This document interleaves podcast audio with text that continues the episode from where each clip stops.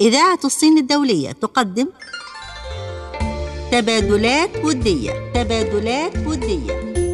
نحن نبني جسورا من الصداقة بين الصين والعالم العربي ونرصد أهم المستجدات في العلاقات الصينية العربية. تبادلات ودية. برنامج يأتيكم عبر إذاعة الصين الدولية. مستمعينا مستمعي إذاعة الصين الدولية في كل أنحاء الوطن العربي من المحيط إلى الخليج. أهلا ومرحبا بكم. وحلقة جديدة من برنامجكم تبادلات ودية. مستمعينا الأعزاء أهلا بكم. فعلى مدار عقود طويلة بنى الصينيون والعرب جسورا مدينة من العلاقات القوية والتي تزداد زخما وعمقا عاما بعد عام. وانطلاقا من روابط الصداقة العميقة التي تربط الأمتين العربية والصينية وتدعيما لأواصر المحبة وتأكيدا للمصير المشترك بين الشعبين. يسعدنا أن نرصد لكم أهم وأبرز المستجدات في العلاقات العربية الصينية. ومن خلال برنامجكم تبادلات ودية نركز على جهود تعزيز الصداقة بين شعوبنا ودفع العلاقات الودية الراسخة بين الجانبين قدما. وانطلاقا من الثقافة والحضارة العريقتين للأمتين الصينية والعربية. تبادلات ودية. برنامج يقدمه لكم وفاء ناجي. وحسن الشاذلي يسعدنا في البداية أن نستعرض معكم سريعا فقرات حلقة اليوم من برنامج تبادلات ودية والتي نقدم من خلالها. العاصمة التونسية تحتضن الدورة الثالثة لمنتدى هواوي للابتكار التكنولوجي في شمال إفريقيا. مظاهر احتفالات الصين ببعض البلدان العربية في مناسبة ذكرى العيد السبعين لتأسيس جمهورية الصين الشعبية. ورئيس الوزراء العراقي عادل عبد المهدي يفتتح في العاصمة الصينية بكين منتدى التعاون الاقتصادي العراقي الصيني. الكاتب المصري كمال جاب الله الصين أصبحت مصدر إلهام كتابي الجديد. اتحاد الغرف التجارية بعاصمة جمهورية مصر العربية ينظم منتدى الأعمال المصري الصينية. وزير الكهرباء المصري يستقبل رئيس مجموعة شركة إكس دي لتصنيع معدات الطاقة الكهربائية بمقاطعة شين الصينية وذلك لبحث سبل دعم وتعزيز التعاون بين جمهورية مصر العربية وجمهورية الصين الشعبية. والغرفة التجارية بدولة قطر تبحث سبل تعزيز التعاون مع المركز الصيني للتجارة الخارجية. وصول الوفد الصيني إلى العاصمة القطرية الدوحة للمشاركة في بطولة الدوحة لألعاب القوى.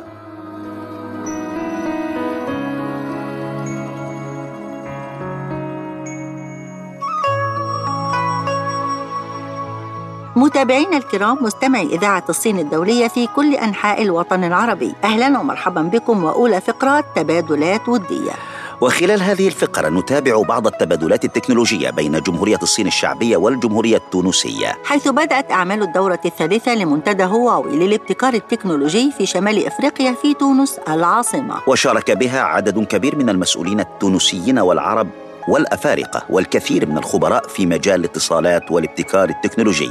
هذه الدورة تنظم بالتعاون مع وزارة تكنولوجيا المعلومات والاتصال التونسية بالمشاركة مع المنظمة العربية لتكنولوجيا المعلومات التابعة لجامعة الدول العربية. كما أنها تنظم ضمن إطار احتفالات شركة هواوي الصينية بمناسبة الذكرى العشرين لدخولها السوق التونسية. وهي تهدف إلى دعم وتعزيز الاقتصاد الرقمي وشبكاته وإلى بناء نظام تكنولوجي فعال. افتتح المنتدى مارك شومان نائب رئيس شركة هواوي الصينية العملاقة للاتصالات بكلمة أكد فيها أهمية بناء نظام تكنولوجي فعال في تونس والمنطقة العربية وإفريقيا من خلال العمل على تعزيز التجهيزات الأساسية لهذا النظام. وفي السياق ذاته شدد شومان على استعداد شركة هواوي لتقديم كل المساعدة الضرورية للعمل في مجال توسيع المشاريع المستقبلية في مجالات التطبيقات والبرمجيات والتكنولوجيات الحديثة الموجهة للدول العربية وللسوق الإفريقية. من جهته جدد سفير جمهورية الصين الشعبية لدى جمهورية تونس وانغ وين بين في كلمته خلال الجلسة الافتتاحية للمنتدى التأكيد على أهمية العلاقات بين الصين وتونس. لافتا إلى أن شركة هواوي ساهمت في إنجاح العديد من المشاريع في تونس منها مشروع تونس الرقمية 2020 كما تحدث خلال هذا المنتدى وزير تكنولوجيا المعلومات والاتصال التونسي أنور معروف الذي استعرض آفاق التحول الرقمي في تونس. واصفا التعاون بين بلاده والصين ومع شركة هواوي بالمثمر والمفيد لجمهورية تونس وأثنى على جهود شركة هواوي في دعم مشروع تونس الرقمية 2020 وأشاد أيضا باستعداد الشركة الكامل لدعم مشروع تونس الرقمية من خلال توظيف خبراتها في تحسين البنية التحتية وإطلاق خدمات تكنولوجية جديدة من شأنها أن تساهم في فتح آفاق جديدة في جمهورية تونس. من جهته قدم محمد ابن عمر الأمين العام للمنظمة العربية لتكنولوجيا المعلومات التابعة لجامعة الدول العربية خلال المنتدى استراتيجيه التطوير الرقمي لمنظمته في المنطقة العربية التي تستند بالأساس على التعاون مع شركة هواوي الصينية. وقال عماد بن حليمة المدير العام المساعد لشركة هواوي تونس إن شركة هواوي ساهمت منذ دخولها تونس في العام 1999 بشكل لافت وفعال في تطوير مجال الاتصالات. هذا وأكد بن حليمة أن جمهورية تونس تمثل واجهة شركة هواوي الصينية في كل ما يتعلق بتكنولوجيا المعلومات والاتصال، كما أنها تعد بلدا استراتيجيا بالنسبة للشركة لتنفيذ مشاريعها المستقبلية والابتكار التكنولوجي. وذلك من خلال المشاركة في إطلاق شبكة الإنترنت القارية مع شركة اتصالات تونس في عام 2004 كما ساهمت شركة هواوي في إطلاق تقنية الجيل الثالث لصالح مشغلي الهواتف الجوالة في جمهورية تونس. اتصالات تونس وشركة الاتصالات الكويتية أريدو وأوران حيث حصلت الشركة بفضل مجهوداتها على جائزة الشريك المميز التي منحتها لها وكالة النهوض بالاستثمار الخارجي التونسية. ذلك في مناسبتين في عام 2014 وفي عام 2017 وأعلن أن هواوي تعتزم توظيف مهنيين في جمهورية تونس وذلك في إطار المشاريع التي سيتم إطلاقها قريبا والتي ستستهدف السوق الإفريقية وخاصة منطقة الشرق الأوسط. يذكر أن شركة هواوي الصينية العملاقة للاتصالات تعد رائدة في مجال التكنولوجيات الحديثة ويعمل بها حاليا نحو 180 ألف موظف منهم ثمانون ألف موظف يعملون ضمن 14 مركزا بحثيا. وتولي هذه الشركة العملاقة أهمية بالغة لتطوير علاقتها مع الدول العربية والإفريقية. وتعمل على تعزيز التعاون في مجال الأبحاث والتطوير في إطار برامج تكوين وتدريب استفادت منها الجمهورية التونسية. بالإضافة أنها قامت بعقد شراكات مع 47 جامعة تونسية. وعلى هامش الدورة الثالثة لمنتدى هواوي للابتكار التكنولوجي وقعت وزارة التربية التونسية اتفاقية شراكة مع الشركة الصينية العملاقة للاتصالات من أجل رقمنة التعليم الابتدائي والإعدادي والثانوي في تونس. انتهت فقرتنا هذه بعد قليل نعود إليكم. ابقوا معنا.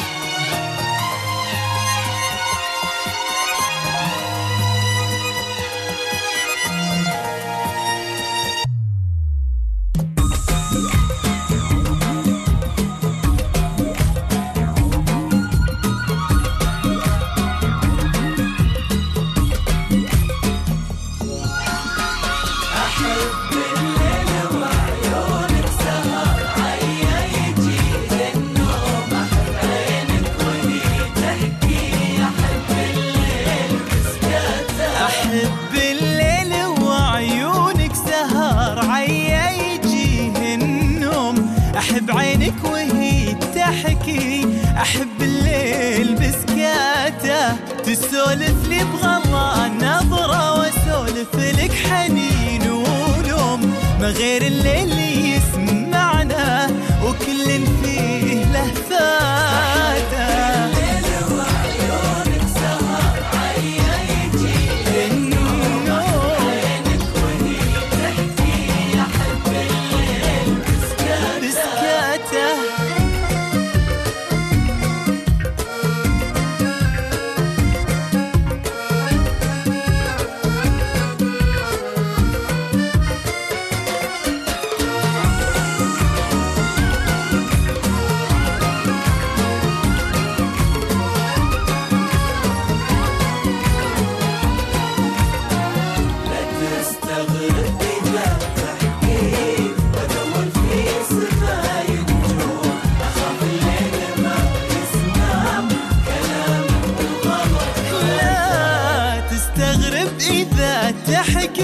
وادور في سماي نجوم أخاف الليل ما يسمع.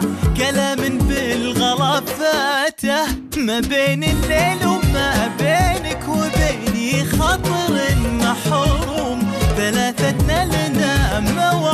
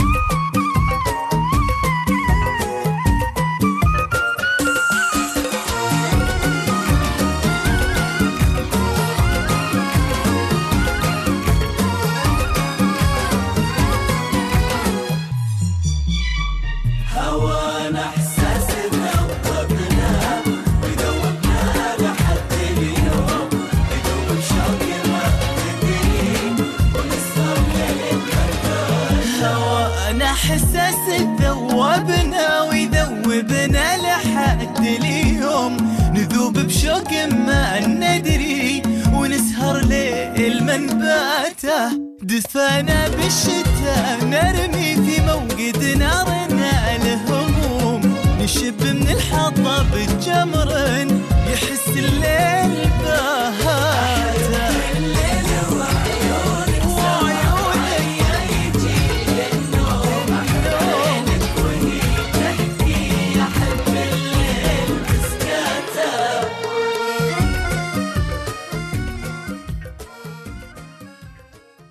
أهلا بكم عدنا إليكم من جديد. نعرض لكم بعض من مظاهر احتفالات الصينيين في بعض البلدان العربية بمناسبة ذكرى العيد الوطني السبعين لتأسيس جمهورية الصين الشعبية. ففي دولة فلسطين احتفل مكتب جمهورية الصين الشعبية في رام الله بالذكرى السبعين لتأسيس الجمهورية ذلك بحضور واسع للمسؤولين الفلسطينيين.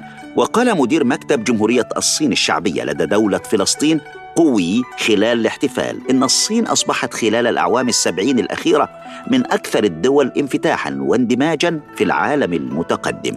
وأفاد بأن أكثر من 700 مليون شخص تخلصوا من الفقر وأصبحت الصين هي أول دولة نامية.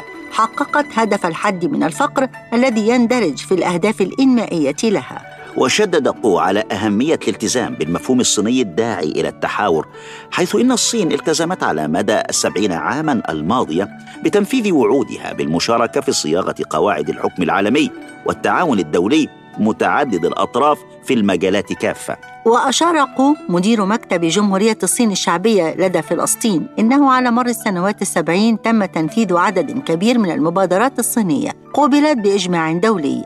حيث وقعت 136 دولة و30 منظمة دولية وإقليمية على وثيقة التعاون الاستراتيجية مبادرة الحزام والطريق. وأشار قوه إلى متانة العلاقات بين بلاده وفلسطين بحيث تربطهما صداقة تقليدية تاريخية وشدد قوه على أن الصداقة بين الشعبين عميقة ونشيطة ثقافيا وأكاديميا وفكريا. داعيا إلى التكاتف في سبيل تعزيز الصداقة الصينية الفلسطينية الأخوية وجني ثمار التعاون معا. وحول التعليم ذكر مكتب الإعلام التابع لمجلس الدولة الصيني. كان مستوى التعليم في بداية تأسيس جمهورية الصين الشعبية منخفضا للغاية حيث بلغت نسبة الأمية 80% وكان معدل الالتحاق بالمدارس الابتدائية أقل من 20% وبسبب انخفاض مستوى الناتج المحلي الإجمالي. في ذلك الوقت كانت الميزانية المالية الصينية للتعليم متواضعة جدا. بينما في السنوات السبعين الماضية حقق التعليم الصيني إنجازات كبيرة ففي عام 2018 بلغ معدل الالتحاق بالمدارس الابتدائية 99.95% وتحولت الصين من بلد يضم أكثر من 80% من السكان غير القادرين على القراءة والكتابة إلى بلد غني بالكفاءات.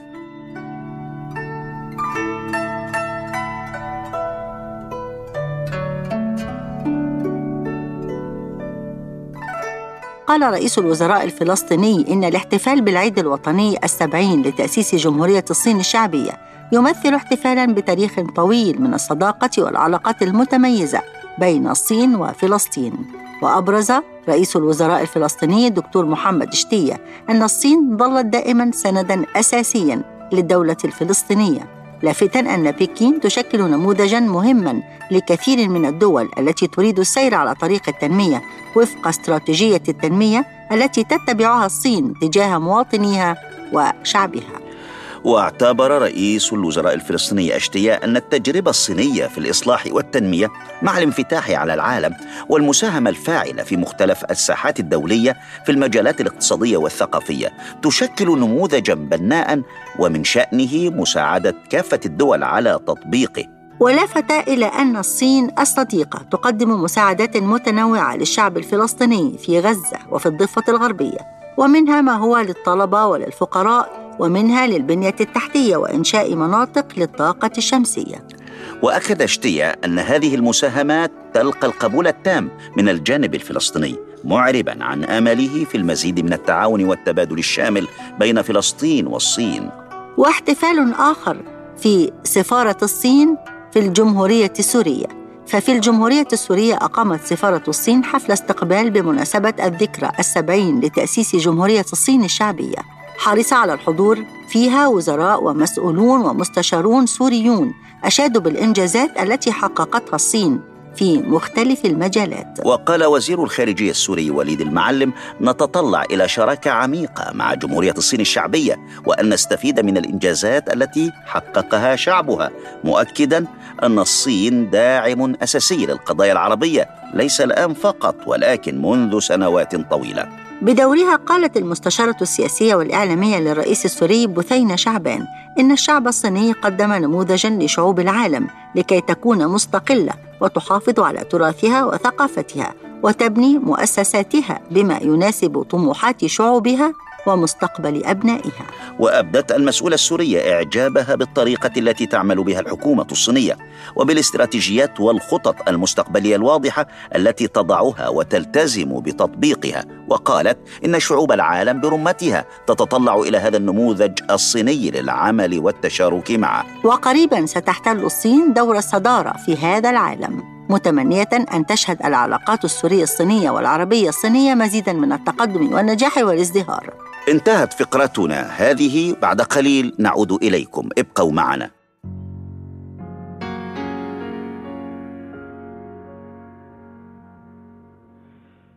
他想知道那是谁，为何总沉默寡言？人群中。 也算抢眼，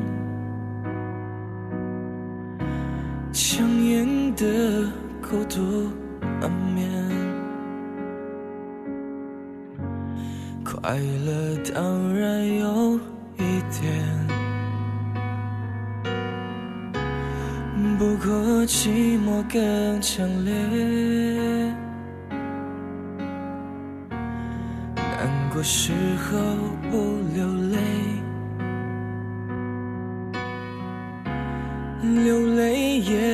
不算伤悲。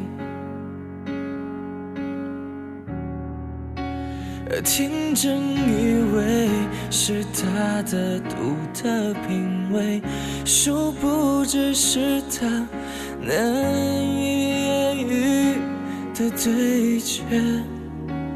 字幕画面分割上演贴对贴，而谁是谁？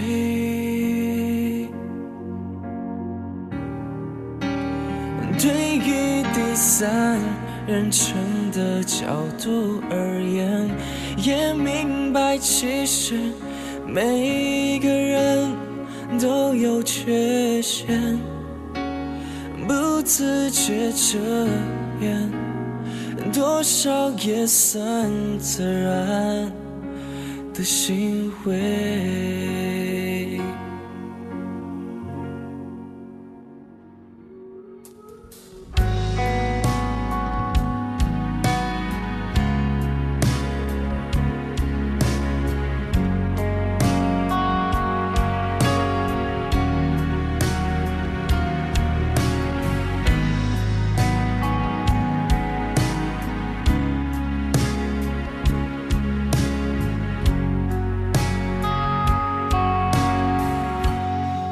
快乐当然有一天，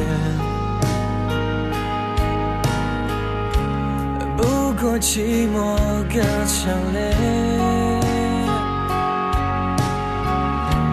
难过时候不流泪，流泪也不算伤悲。天真以为是他的独特品味，殊不知是他难以言喻的对决。字幕画面分割上面叠对叠，而谁是谁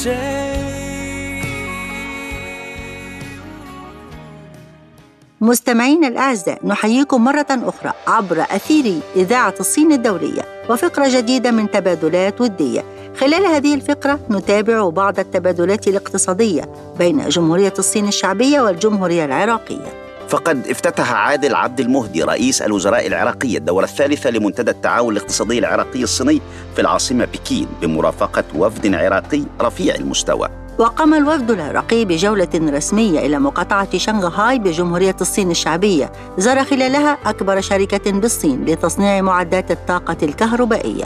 وبعد جولة سريعة في مقر الشركة تم عقد اجتماع مع مديري الشركة المسؤولين عن المشاريع التي تنفذها في العراق. وقد تحدث في الاجتماع رئيس مجلس الوزراء وعدد من الوزراء والمحافظين عن المشاريع والاحتياجات والفرص المتاحة بشركات الطاقة والنقل والبنى التحتية بالعراق. إلى جانب الحديث عن التعاون في الجوانب الإدارية والمالية وتطوير الخبرات المحلية. واختتم رئيس مجلس الوزراء والوفد الرسمي زيارته إلى مقاطعة شنغهاي الصينية بزيارة ميناء يانغتشان ووصف الزيارة بأنها من أهم المحطات داعيا إلى الاستفادة من التجربة والخبرة الصينية في مجال بناء الموانئ وتطويرها. الجدير بالذكر أنه في ظل الزيارة الرسمية للصين قام رئيس الوزراء عبد المهدي مع الوفد الحكومي الذي يرافقه بزيارة عملاق صناعة الاتصالات الصينية شركة هواوي. كما قام بجولة لمعالم سور الصين العظيم والعاصمة بكين وفي ختام زيارته اجرى لقاءات ومباحثات رسمية مع فخامة رئيس جمهورية الصين الشعبية ورئيس مجلس الدولة. وخلال مراسم افتتاح منتدى التعاون العراقي الصيني قدم عادل عبد المهدي في كلمة ألقاها التهاني والتحيات للجانب الصيني بحلول الذكرى السبعين لتأسيس جمهورية الصين الشعبية. مشددا على رغبة العراق في تعزيز التعاون مع الصين في كل المجالات متمنيا للمنتدى أن يؤسس المزيد من العلاقات بين البلدين. لافتا إلى أن حضور الوزراء والمحافظين يعطي جدية للوفد في الذهاب للتعاقدات والأعمال بشكل مباشر. مشيدا بتسارع النمو الاقتصادي الذي تشهده الصين والتي يطمح العراق للاستفادة من قدراتها وإقامة أفضل العلاقات معها في جميع المجالات. وقد تمت إقامة ست جلسات خاصة خلال فعاليات المنتدى حيث أجرى حوالي 300 من رجال الأعمال الصينيين والعراقيين مناقشات حول التعاون الثنائي في مجالات النفط والكهرباء والدفاع والإسكان والصناعة والنقل والاتصالات وغيرها وبحسب بيان صدر عن المكتب الإعلامي لرئيس مجلس الوزراء العراقي فقد أشاد عادل عبد المهدي بهذا الحدث المهم لما له من أثر إيجابي على حاضر ومستقبل العلاقات بين البلدين.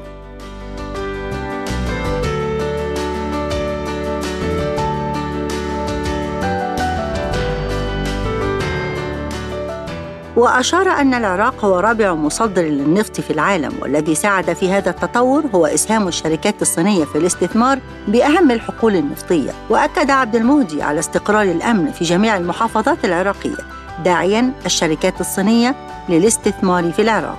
وقال هيأنا بيئة استثمارية جاذبة وقدمنا تسهيلات كبيرة للمستثمرين الأجانب وأصحاب الشركات. لافتا إلى إجراء إصلاحات كبيرة في مجال الاستثمار.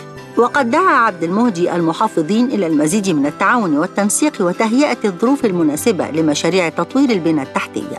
وفي المنتدى عرض الوزراء العديد من فرص العمل للشركات الصينية وأعلنوا عن أولويات مشاريع الوزارات وأقيمت ورش عمل لوزارات النفط والكهرباء والإسكان والصناعة والنقل والاتصالات. وأعرب الوزراء عن تقديرهم لمبادرة رئيس مجلس الوزراء واصطحابه جميع المحافظين في زياراته وإشراكهم في المباحثات مع المسؤولين الصينيين والاطلاع على التجارب الاقتصادية والعمرانية الناجحة في المقاطعات الصينية. وفي إطار فعاليات منتدى التعاون الاقتصادي العراقي الصيني أعلن رئيس الوزراء عن توقيع عدد من مذكرات التفاهم وثمان اتفاقيات مع الجانب الصيني في مجالات التعاون الاقتصادي والثقافي والفني تأتي على رأسها الاتفاقية الإطارية للإنفاق المالي والائتماني.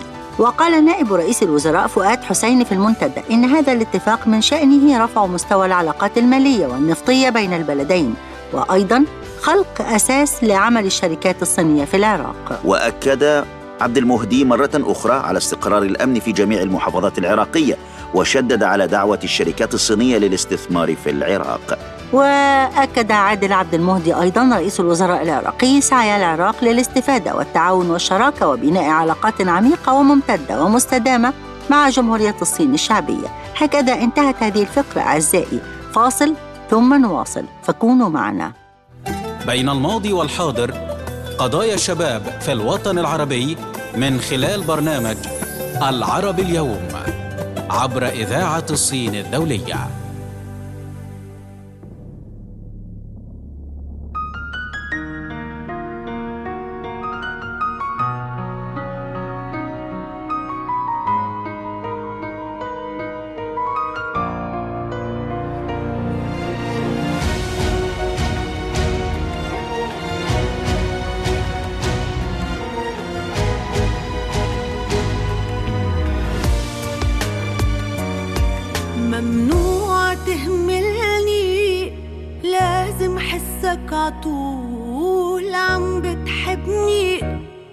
ممنوع تهملني لازم حسك عطول عم بتحبني. ما بيرضيني الحب العادي عطول بدي حس زيادي. قد ما آخد بدي أكتر ومعي رح تتعب. أنا مريضة اهتمام ما بدي أشفى.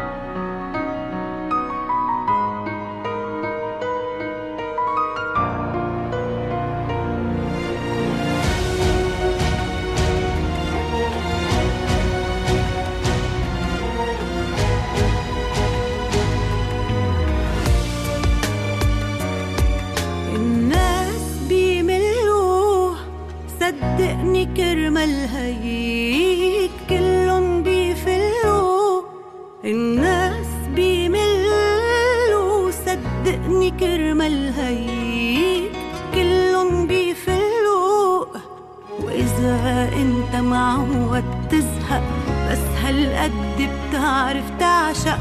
فضل كف عمري لوحدي وآخر همي. أنا اهتمام ما بدي اشفى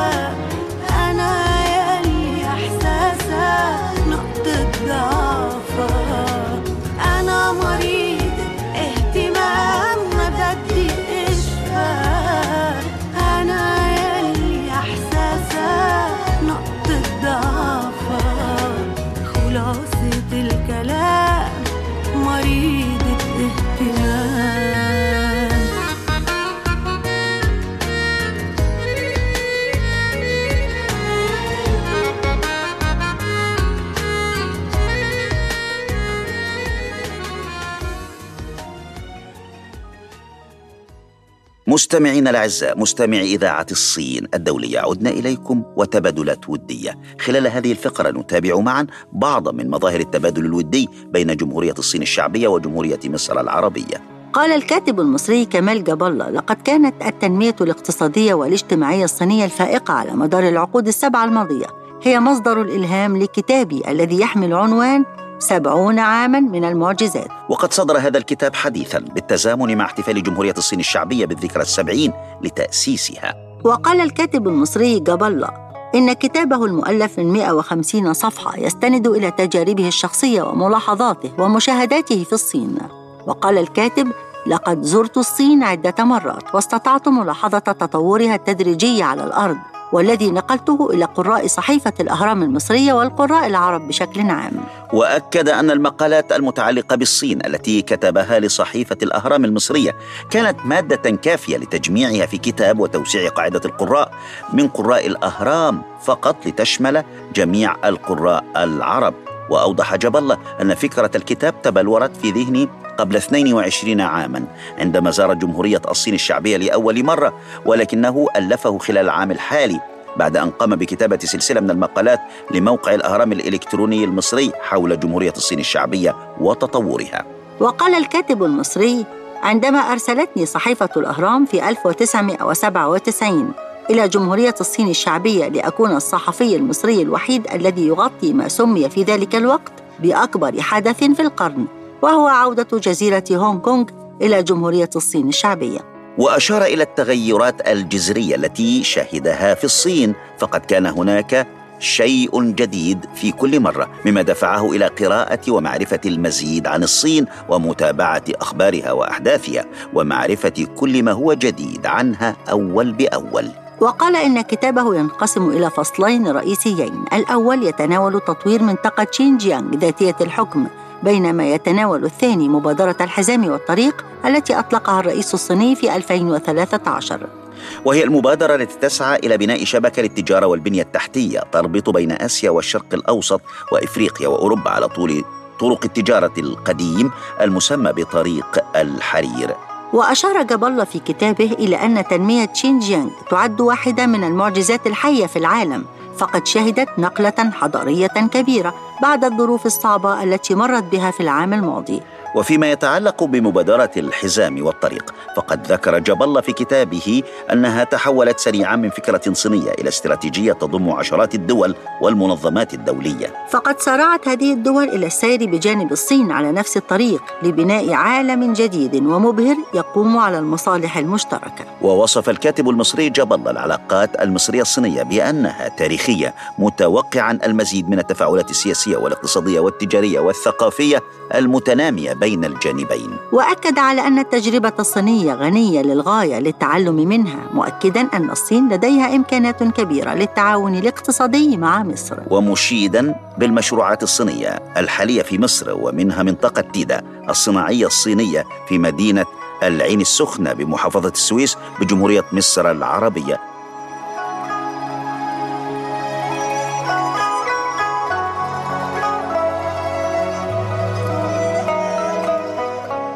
مستمعينا الكرام ما زلنا نتابع التبادلات الودية بين جمهورية مصر العربية وجمهورية الصين الشعبية. فقد استقبل الدكتور محمد شاكر وزير الكهرباء والطاقة المتجددة السيد باي جونغ رئيس مجموعة شركات إكس دي لتصنيع معدات الطاقة الكهربائية بمقاطعة شيين الصينية وذلك بحضور عدد من قيادات الجانبين. أكد الدكتور محمد شاكر في بداية اللقاء على عمق العلاقات التاريخية التي تربط بين البلدين من قديم الأزل والتعاون المشترك البناء في كافة المحاور الاقتصادية والسياسية. مشيرا إلى أن التعاون بين البلدين في مجال الطاقة قد شهد نقلة نوعية متميزة ومشيدا بالتعاون المثمر بين قطاع الكهرباء المصري وعدد من الشركات الصينية. لافتا إلى التعاون القائم مع شركة ستيت جريد الصينية والتي تعد من أكبر مشغلي ومنفذي الشبكات الكهربائية في العالم. وأشاد بالاستفادة التي تحققت من خلال نقل التكنولوجيا التي تستخدمها الشركات الصينية والتي تعتبر من أحدث التكنولوجيات في العالم في هذا المجال.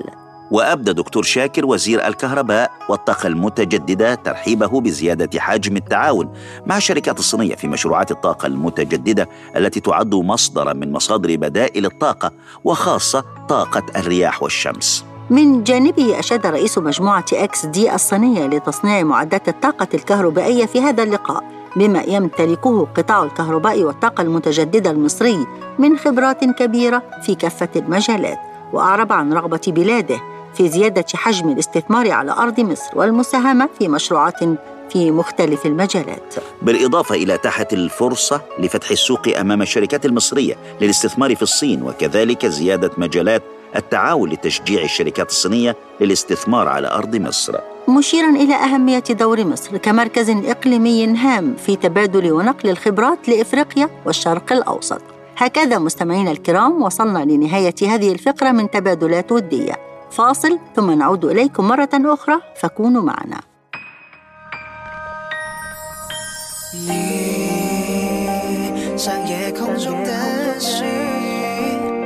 总那么遥远，触不到边缘。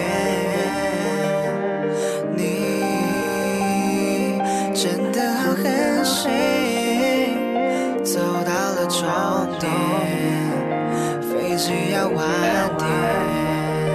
那你走吧，就快点走吧，没想过跟你怎样，别自作多情，好吧？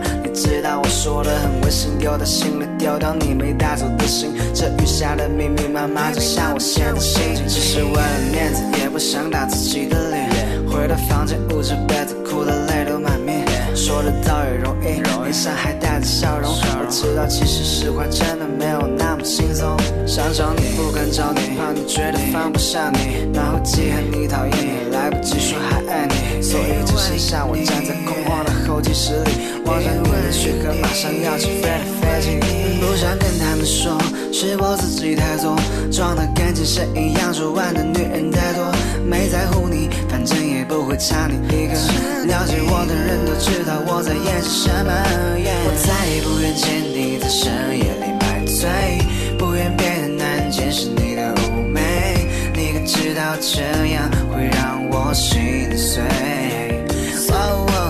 答应我，你从此不在深夜里徘徊，不要轻易尝试放纵的滋味，你可知道这样会让我心碎？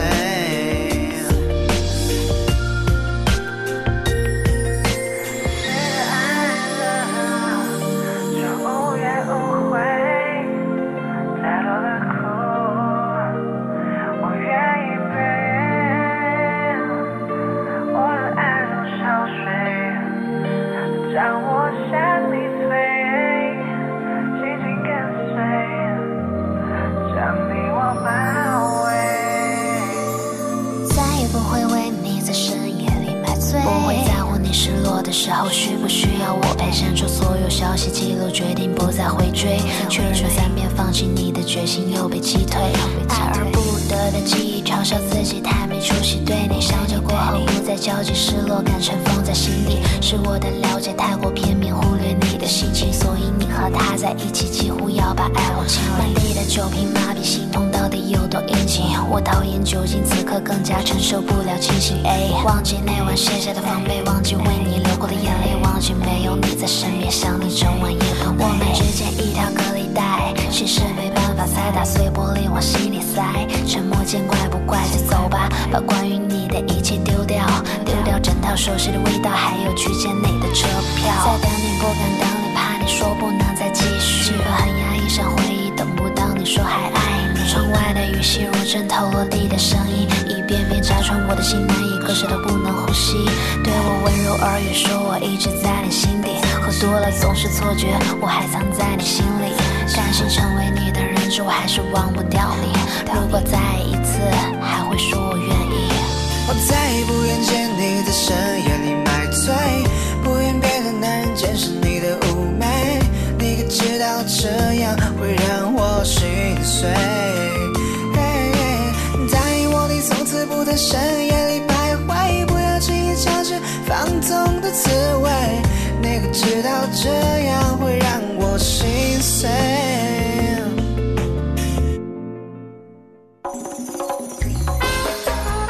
الصين والعرب علاقات قديمة ومستمرة من الماضي إلى الحاضر على موجات إذاعة الصين الدولية مستمعينا الأعزاء مستمعي إذاعة الصين الدولية عدنا إليكم من جديد وتبادلات ودية خلال هذه الفقرة نتابع معا بعضا من مجالات التعاون التجارية بين جمهورية الصين الشعبية ودولة قطر. وفيها الغرفة التجارية بدولة قطر تبحث التعاون مع المركز الصيني للتجارة الخارجية. حيث استقبل السيد محمد بن طوال الكواري النائب الأول لرئيس غرفة قطر التجارية وفدا تجاريا صينيا. برئاسة السيد لي جينكي رئيس المركز الصيني للتجارة الخارجية ونائب الرئيس والأمين العام لمعرض الصين للواردات والصادرات. معرض كانتون. حضر اللقاء السيد راشد بن حمد العذبة. النائب الثاني لرئيس الغرفة التجارية بدولة قطر. وخلال اللقاء تم التباحث في سبل تعزيز التعاون بين غرفة قطر التجارية والمركز الصيني للتجارة الخارجية بما يعزز التبادلات التجارية بين دولة قطر وجمهورية الصين الشعبية. إضافة إلى استعراض آخر الترتيبات لمعرض الصين للواردات والصادرات والذي تستضيفه وزارة التجارة بجمهورية الصين الشعبية والحكومة الشعبية لمقاطعة كواندونغ والذي ينظمه المركز الصيني للتجارة الخارجية ويقام في مركز المعارض في مدينة وانغ تشو جنوب جمهورية الصين الشعبية. وأعرب السيد دي جينكي عن أمله بمشاركة الشركات القطرية في الدورة رقم 126 من المعرض والذي يعد أكبر معرض للتجارة الدولية لافتا إلى أن المعرض يسهم بشكل كبير في تعزيز التبادل التجاري بين الصين والعالم. ويعد أيضا أكبر منصة للشركات الصينية الدولية ونموذج لتنفيذ استراتيجية تنمية التجارة الخارجية للصين. ونوه لي جينكي بأهمية السوق القطرية وأهمية مشاركة الشركات القطرية في المعرض داعيا رجال الأعمال القطريين وأصحاب الشركات إلى زيارة المعرض.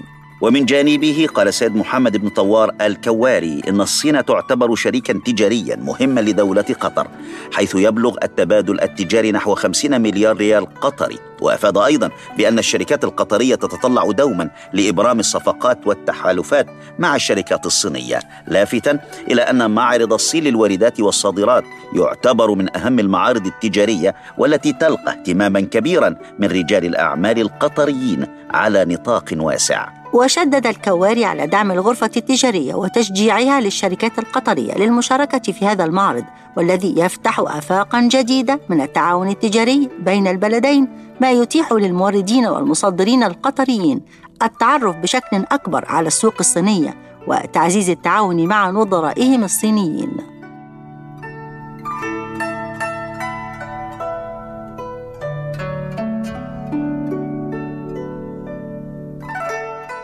ما زلنا مستمعين نتابع بعض من مظاهر التعاون بين جمهورية الصين الشعبية ودولة قطر وفيها مشاركة وفد صيني مكون من 42 لاعبا في بطولة العالم لألعاب القوى 2019 في نسختها السابعة عشرة في العاصمة القطرية الدوحة. وقبل البدء في البطولة بأيام وصل اللاعبون الصينيون من فريق المشي إلى العاصمة القطرية الدوحة لإجراء تدريباتهم وذلك حرصا منهم على التكيف مع مناخ قطر الحار. وقد تم زيادة حجم الفريق الصيني في هذه البطولة العالمية بشكل كبير مقارنة مع عام 2017 ونقلت الشبكات الصينية تطلع الصين إلى الفوز بالميداليات الذهبية في رمي الحديد للإناث وسباق المشي ورمي الرمح وغيرها من المسابقات.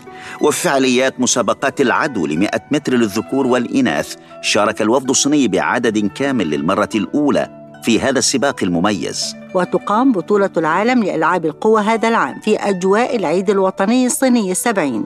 وقال جميع الرياضيين إنهم استعدوا على أفضل نحو للمشاركة في البطولة. وقالوا إنهم يقدمون نتائجهم الجيدة في المسابقات كلها كهدايا للعيد الوطني الصيني السبعين.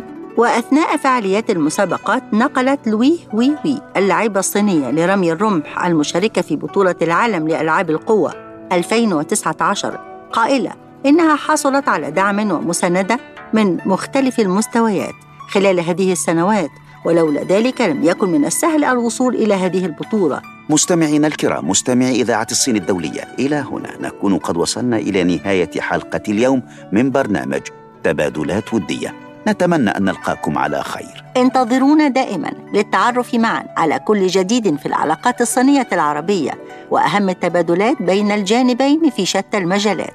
نعدكم بالتطوير والتحديث المستمر بما يلبي طموحاتكم مستمعين الأعزاء في كل مكان. سعدنا بلقائكم وفي النهاية نحمل لكم تحيات فريق العمل. كان معكم حسن الشاذلي. وفاء ناجي. رئيس التحرير محمد غانم. فريق الإعداد. إيمان مجدي. نجلاء فتحي وجرجس فوزي. وإخراج إيهاب حامد. مهندس الصوت كان معنا الزميل خالد بهاء الدين. تبادلات ودية. تبادلات ودية. نحن نبني جسورا من الصداقة بين الصين والعالم العربي. ونرصد أهم المستجدات في العلاقات الصينية العربية. تبادلات ودية. برنامج يأتيكم عبر إذاعة الصين الدولية.